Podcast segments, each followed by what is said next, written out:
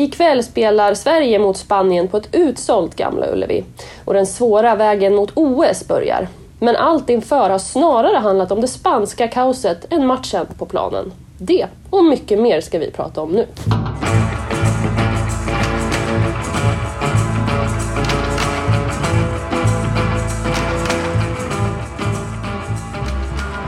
Och med vi så menar jag jag, Frida Olsson, och nyligen hitkomna Anna Friberg. Hur är läget Anna? Det är bra, jag har sprungit genom regnet för att ta mig till den här podden. För det regnar såklart när man kommer till Göteborg. Helt rätt. Det är tråkigt att det alltid är så va? Ja, nej, men jag tycker att det hör till. Det ska vara så. Det är precis lika givet som att det är här Sverige spelar sina hemmamatcher, eh, svenska damlandslaget ska jag säga då, i Göteborg och lika givet är att det regnar. Men apropå det här med att de spelar i Göteborg, det finns ju faktiskt de som är ganska kritiska till att matchen avgörs eh, mot Spanien här ikväll för att eh, de har ju sålt slut och de kunde antagligen ha sålt ännu fler biljetter om den hade spelat på Friends i Stockholm. Ja, och en förespråkare till det är ju då Kosovare Asllani. Hon längtar ju lite efter att få spela på de här typerna av arenorna i Sverige. Alltså Friends eller Tele2 kanske, eller de arenorna där det är mycket mer folk som går in. Mm, och jag får för mig att Asllani inte heller gillar regn, så det kan vara en kombination av att hon gillar stora arenor där det är mindre risk för regn. Jag kan bekräfta det här för att inför träningen igår så stod hon och gjorde någon form av soldans för att det, inte, det regnade inte då men det var inte heller sol. Så att det bekräftar absolut det här. Men om vi ska släppa regnet och Kosovare soldyrkan så kanske vi ska landa i det som har varit snackisen sen det här VM-guldet som vi fick bevittna i Australien, eh, nämligen det spanska kaoset. Vi spelade in en podd tidigare i veckan där vi pratade om att vi inte visste vilka som skulle komma hit ens, om den skulle bli den, den VM-trupp som eh, tog det här historiska guldet eller hur det skulle bli. Men nu är vi här. Eh, 15 spelare tog hon ut, den nya förbundskaptenen, men 13 av dem är här. Hur har du följt det här spanska kaoset?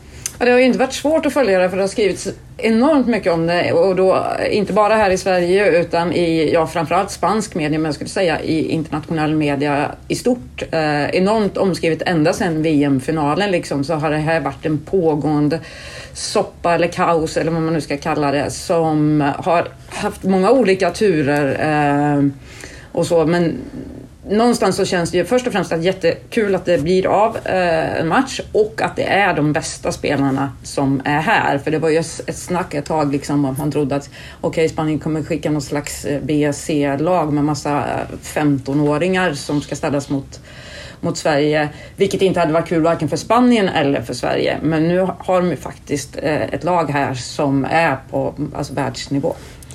Ja, och eh, det som, liksom, om vi ska bara dra lite, lite stora penseldrag över det här kaoset så var det ju då den här kyssen som Rubiales gjorde mot Jenny Hermoso som eh, startade någonting som har legat och puttrat inom det spanska förbundet under väldigt, väldigt lång tid. Att det har varit misskött och det har varit en, en frustration kring uteblivna förutsättningar eh, för de spanska damerna och att de har diskriminerats och så vidare. Men det här eh, sju timmar långa natt mötet som de hade tidigare i veckan verkar ha lett till att det nu ska ske förändringar. De har redan sparkat en hel del eh, folk inom förbundet som damerna inte har varit, känt sig trygga med helt enkelt. För det har handlat om trygghet och respekt i det stora hela.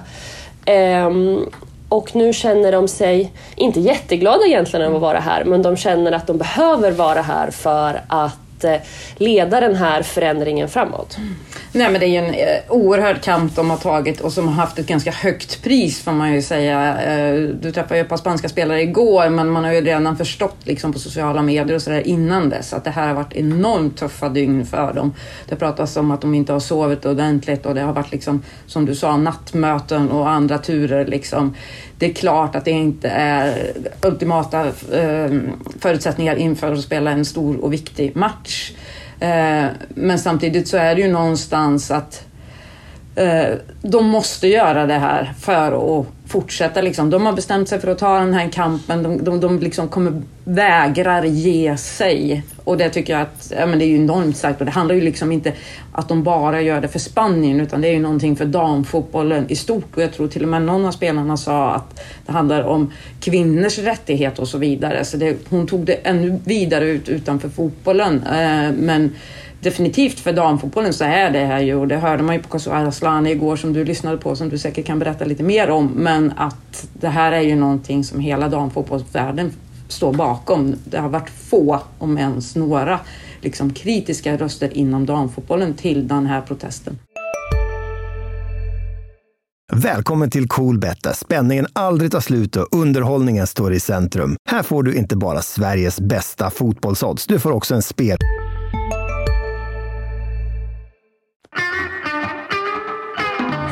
Ja, Slanny, hon, hon, brinner, när hon brinner så brinner hon starkt mm. och, och, mycket. Eh, och det gjorde hon ju verkligen igår. Och hon, lite som du är inne på, hon tog ut det här i samhället och problematiken som finns där med, med män på maktpositioner som styr eh, bara för att styra nästan, de, de styr inte på rätt sätt. Och hon hittade ju då en, ett alternativ eller en, en lösning på problemet när hon fick en fråga från en spansk journalist faktiskt. Och det är ju att få in mer, mer kvinnor på höga positioner inom olika områden. Eh, det finns säkert många andra alternativ att, att lösa det här men hon är, väldigt, hon är väldigt kraftfull i sitt sätt att prata både på engelska och svenska. Kanske lite mer på engelska när orden blir svåra att använda.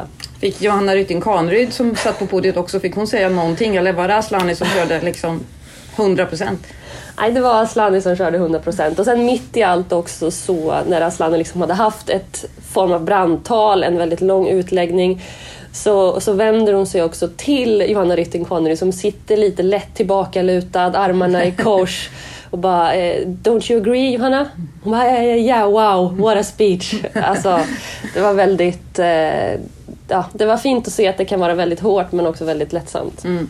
Man ska ju också komma ihåg tycker jag så här, att det här är ju ingenting som de gör för skojs skull. Liksom, det här är ingen kul sak. Man kan tycka liksom att så här, man ser vissa eh, män som har åsikter då, men vad är det för något gnäll, varför måste de hålla på med det här? Men det här är ju ingenting det är ju inget roligt för dem som det har varit. Liksom, de skulle ha haft flera veckor av firande efter att ha tagit sitt första VM-guld. Istället har det handlat om hela den här soppan, hela tiden det här kaoset. Och protester och strejker och allt vad det har varit. Ehm, det visar ju på något sätt hur mycket det här betyder för dem. Att de är beredda på liksom, att i stort sett offra sitt VM-guld. Det gör de inte, de har tagit det. Men glansen av det försvinner ju bort i det här. Och bara för att fortsätta den här kampen. Jag tycker det är rätt häftigt faktiskt. Ja, det är eh, väldigt häftigt och på tal om det du säger att det är många som reagerar på att det, liksom, det gnälls och sådär och många kanske också fokuserat på just den här kyssen. Eh, men det är ju inte initialt den det handlar om i sig utan den bara, det är bara en tydlig bild av hur det har sett ut under många, många år inom det spanska fotbollsförbundet. Nog om detta. Nu har vi raljerat och förklarat det här spanska kaoset men de är här. Eh, de ska spela mot Sverige. Det är eh, en OS-biljett som i slutändan står på spel. Det är ett oerhört tufft OS-kval som väntar. Ja, det är två, nu får du rätta mig Frida om jag säger fel, men det är två av 13 lag som Frankrike är redan klara för OS som värdnation. Då. Eh, OS avgörs i Paris nästa sommar och eh, då finns det två platser kvar att slåss om i den här Europakvalgruppen och det är ju extremt tufft. Man kan ju faktiskt säga vad man vill om det här, de här olika kvalgrupperna som finns i OS. Jag tycker att det är helt, helt fel eh, att Europa bara har tre platser och så råkar det vara i Europa så helt plötsligt är det bara två platser kvar. Det betyder ju att man kan ju bara gå och knacka på hos Tyskland och fråga vad de tyckte om OS senast som de missade. Eh, att det finns liksom att man på sikt bör tänka om där hur man har de här kvalgrupperna. Men nu är läget som det är. Eh, två lag. Eh, och eh, ja, alltså den här matchen idag den är ju oerhört avgörande hur gruppen kommer alltså, se ut framöver. Alltså man behöver ju vinna varenda match om man ska ta sig vidare. Ja, för grejen är ju den att du behöver ju vinna din grupp. Det är bara ettan som går vidare och sen behöver du då eventuellt vinna en semifinal som spelas sen och då tar det till den här finalen. Om inte Frankrike tar sig till finalen som att de är direkt mm. kvalificerade. Och du är inne på det här med Tyskland. Det var ju faktiskt Sverige som slog ut Tyskland i Frankrike VM 2019 för att då var ju VM OS-kval, men man har ju tagit bort det för att inte andra eh, länder såsom USA kanske eller Kanada ska kunna påverka det europeiska kvalet. Men Peter Gerhardsson till exempel har ju varit väldigt, väldigt kritisk kring hur det här OS-kvalet är uppbyggt. Eh, eller egentligen inte kring hur kvalet är uppbyggt, mer liksom hur platserna är fördelade och hur många lag som faktiskt tar sig till OS. För på damsidan som är eh, där A-landslagen spelar så är det bara 12. På herrsidan där det är U21 som spelar, där är det 16. Det är oerhört märkligt och riktigt dåligt. Mm. Det ska väl om något vara tvärtom eller om något i alla fall vara lika eller är jag ute och cyklar här? Nej men det stavas väl damfotboll i vanlig ordning skulle jag säga. Nej jag vet inte varför man fortfarande ligger kvar i det här eh, om det var någon tanke från början att man tyckte att det inte fanns tillräckligt många lag som höll eh, så pass hög kvalitet så att de var värda att spela i ett OS. Men så ser inte damfotbollskartan ut idag. Alltså det räcker ju att titta på VM liksom när den ena stornationen, eller de vi kallar stornationer, rök efter den andra liksom. Det är ju ett tecken på att det finns många, många fler lag eh, som är på en högre nivå här och det gör ju att det blir liksom, varför är det bara 12 lag på damsidan? Det kan man verkligen ifrågasätta tycker jag. Ja, och de, det svenska förbundet och tillsammans med många andra ska sägas har ju legat på eh, IOK och att här, det behöver ske en förändring men det har ju inte hänt någonting på, på fyra år, på åtta år. Eh, och de önskar väl att det ska hända någonting men eh, när Marika Domanski Lyfors, alltså eh, Landslagschef. Landslagschef, tack. ja, det, det, är chef. Ehm, pratade om det så sa hon att argumenten de har fått är att ska det in fler fotbollslag så måste någon annan sport eller något annat stryka på foten för man kan inte göra det hur stort som helst i princip. Jag har förslag på jättemånga sporter som kan försvinna från OS-programmet. och det kommer att pratas om i en annan podd. Bort, bort med skateboard säger jag direkt. Nu får jag alla skateboardälskare emot mig igen. Ja, kanske råder lite delade meningar. Skateboard är väl eh, kul för vissa men man kan tycka i alla fall att det ska vara lika många lag i fotbollsturneringen. Ja men annars kan man ju ta två från herrarna och ge till damerna och så kan de ju testa att vara tolv ett tag. Nej, man kan till och med ta fyra, jag är inte bra på matte. man kan ju ta fyra lag från här sidan och låta damerna vara 16. Mm, vi får kanske lansera den här idén till IOK framöver, att de liksom fixar till det här problemet för att det är oerhört störande och det verkar ju inte finnas en vattentät förklaring till varför det är så heller. Men ikväll, match, super match, världsettan mot, mot världsmästarna. Det kanske vi aldrig mer kommer få säga om Sverige, eller vad tror du? Världsettor? Ja, men alltså jag är ju, det liksom, var ju många som snackade efter VM, så här, det här, eller under VM, det här är Sveriges sista chans att ta en medalj, ba, ba, ba, och så här, Jag tror inte på det. Eh, eh, jag tror att om Sverige tar sig till OS nästa år så har man stor chans att ta medalj och behålla sin eh, första plats på... Sen kan man ju lite så här, den här rankingen, den är ju som det är, den är lite konstig tycker jag. Så här, ja. Men strunt samma, men jag tror att det finns flera mästerskap framöver där Sverige kommer ha chans att ta medalj. Jag, liksom, jag vill inte räkna ut Sverige så som många gör, att det här var sista chansen och nu ska vi ner i något bottenträsk. Det kommer inte hända. Nej, någon bottenträsk tror jag inte på. Men jag tror att eh, just det här, man ska vara glada för att eh, Sverige är världsettor just nu. För jag tror att det blir väldigt svårt att framöver vara där, även om de kommer vara i toppen mm. av eh, världsrankingen.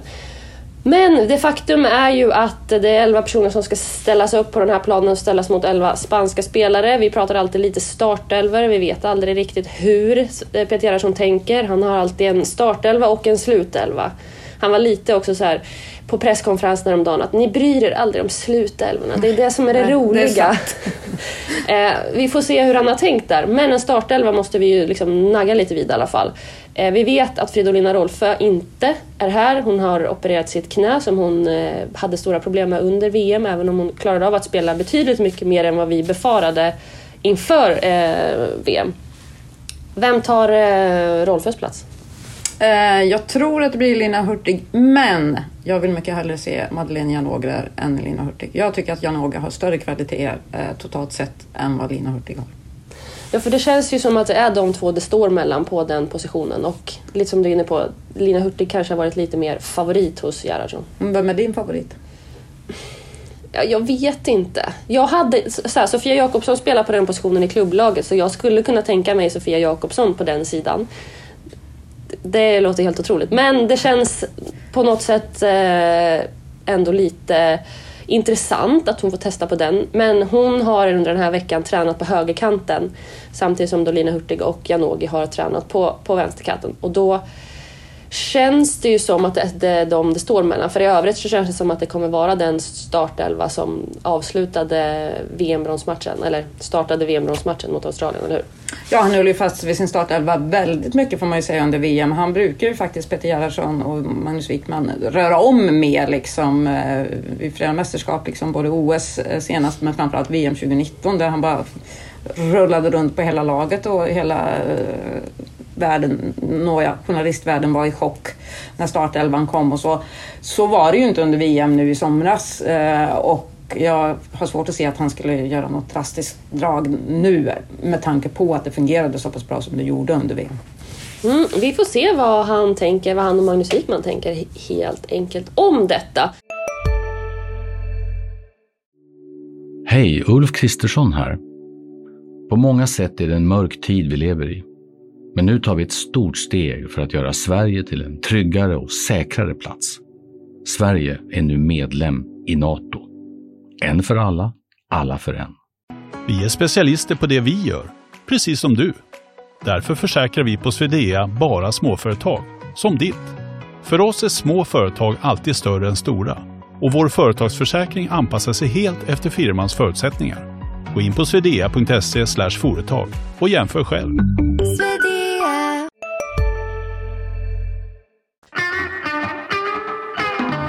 Men något vi kan vara säkra på det är att de svenska spelarna kommer vara alerta på eventuellt eh, spanska nya varianter här på hörner. För det var där de åkte dit med eh, på under VM-semifinalen i Australien.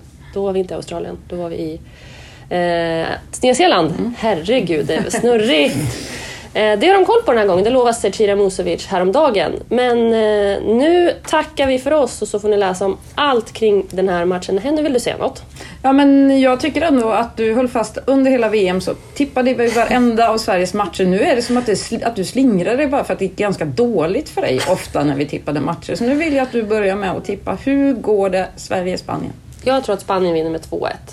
Jag tror att Sverige vinner med 1-0. Vem gör svenska målet då? Mm, Stina Blackstenius. Åh, perfekt det hade varit här i Göteborg. Ja, mm, Stina Blackstenius. Mm. Och om ni då ska göra någonting med de här eh, tipsen så kanske ni ska lita mer på Anna eftersom att Anna var den som var bäst av oss två under VM. Men med det hörni så säger vi tack och hej!